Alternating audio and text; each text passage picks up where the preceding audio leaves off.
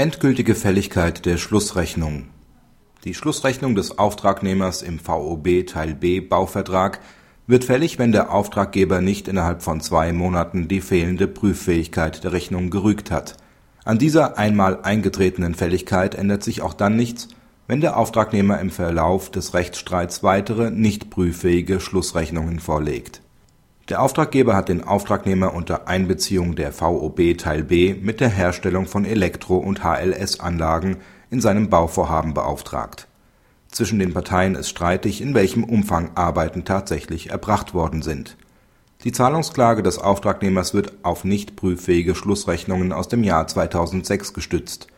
Die Rüge der fehlenden Prüffähigkeit ist insoweit unterblieben auf entsprechende Hinweise des Berufungsgerichts hat der Auftragnehmer in der zweiten Instanz insgesamt sieben weitere Schlussrechnungen vorgelegt, um seine Klageforderung zu begründen. Diese neuen Schlussrechnungen sind ebenfalls sämtlich nicht prüffähig, was nunmehr auch durch den Auftraggeber gerügt wird. Dies zugrunde gelegt, weist das Berufungsgericht die Klage des Unternehmers als derzeit unbegründet ab die Klageabweisung als derzeit unbegründet berücksichtigt nicht, dass der Werklohnanspruch des Auftragnehmers allein aufgrund der zuerst im Jahr 2006 erteilten Schlussrechnungen längst fällig ist. Gegen diese Schlussrechnungen sind vom Auftraggeber innerhalb der zweimonatigen Prüf und Rügefrist keine Einwendungen hinsichtlich der Prüfbarkeit erhoben worden.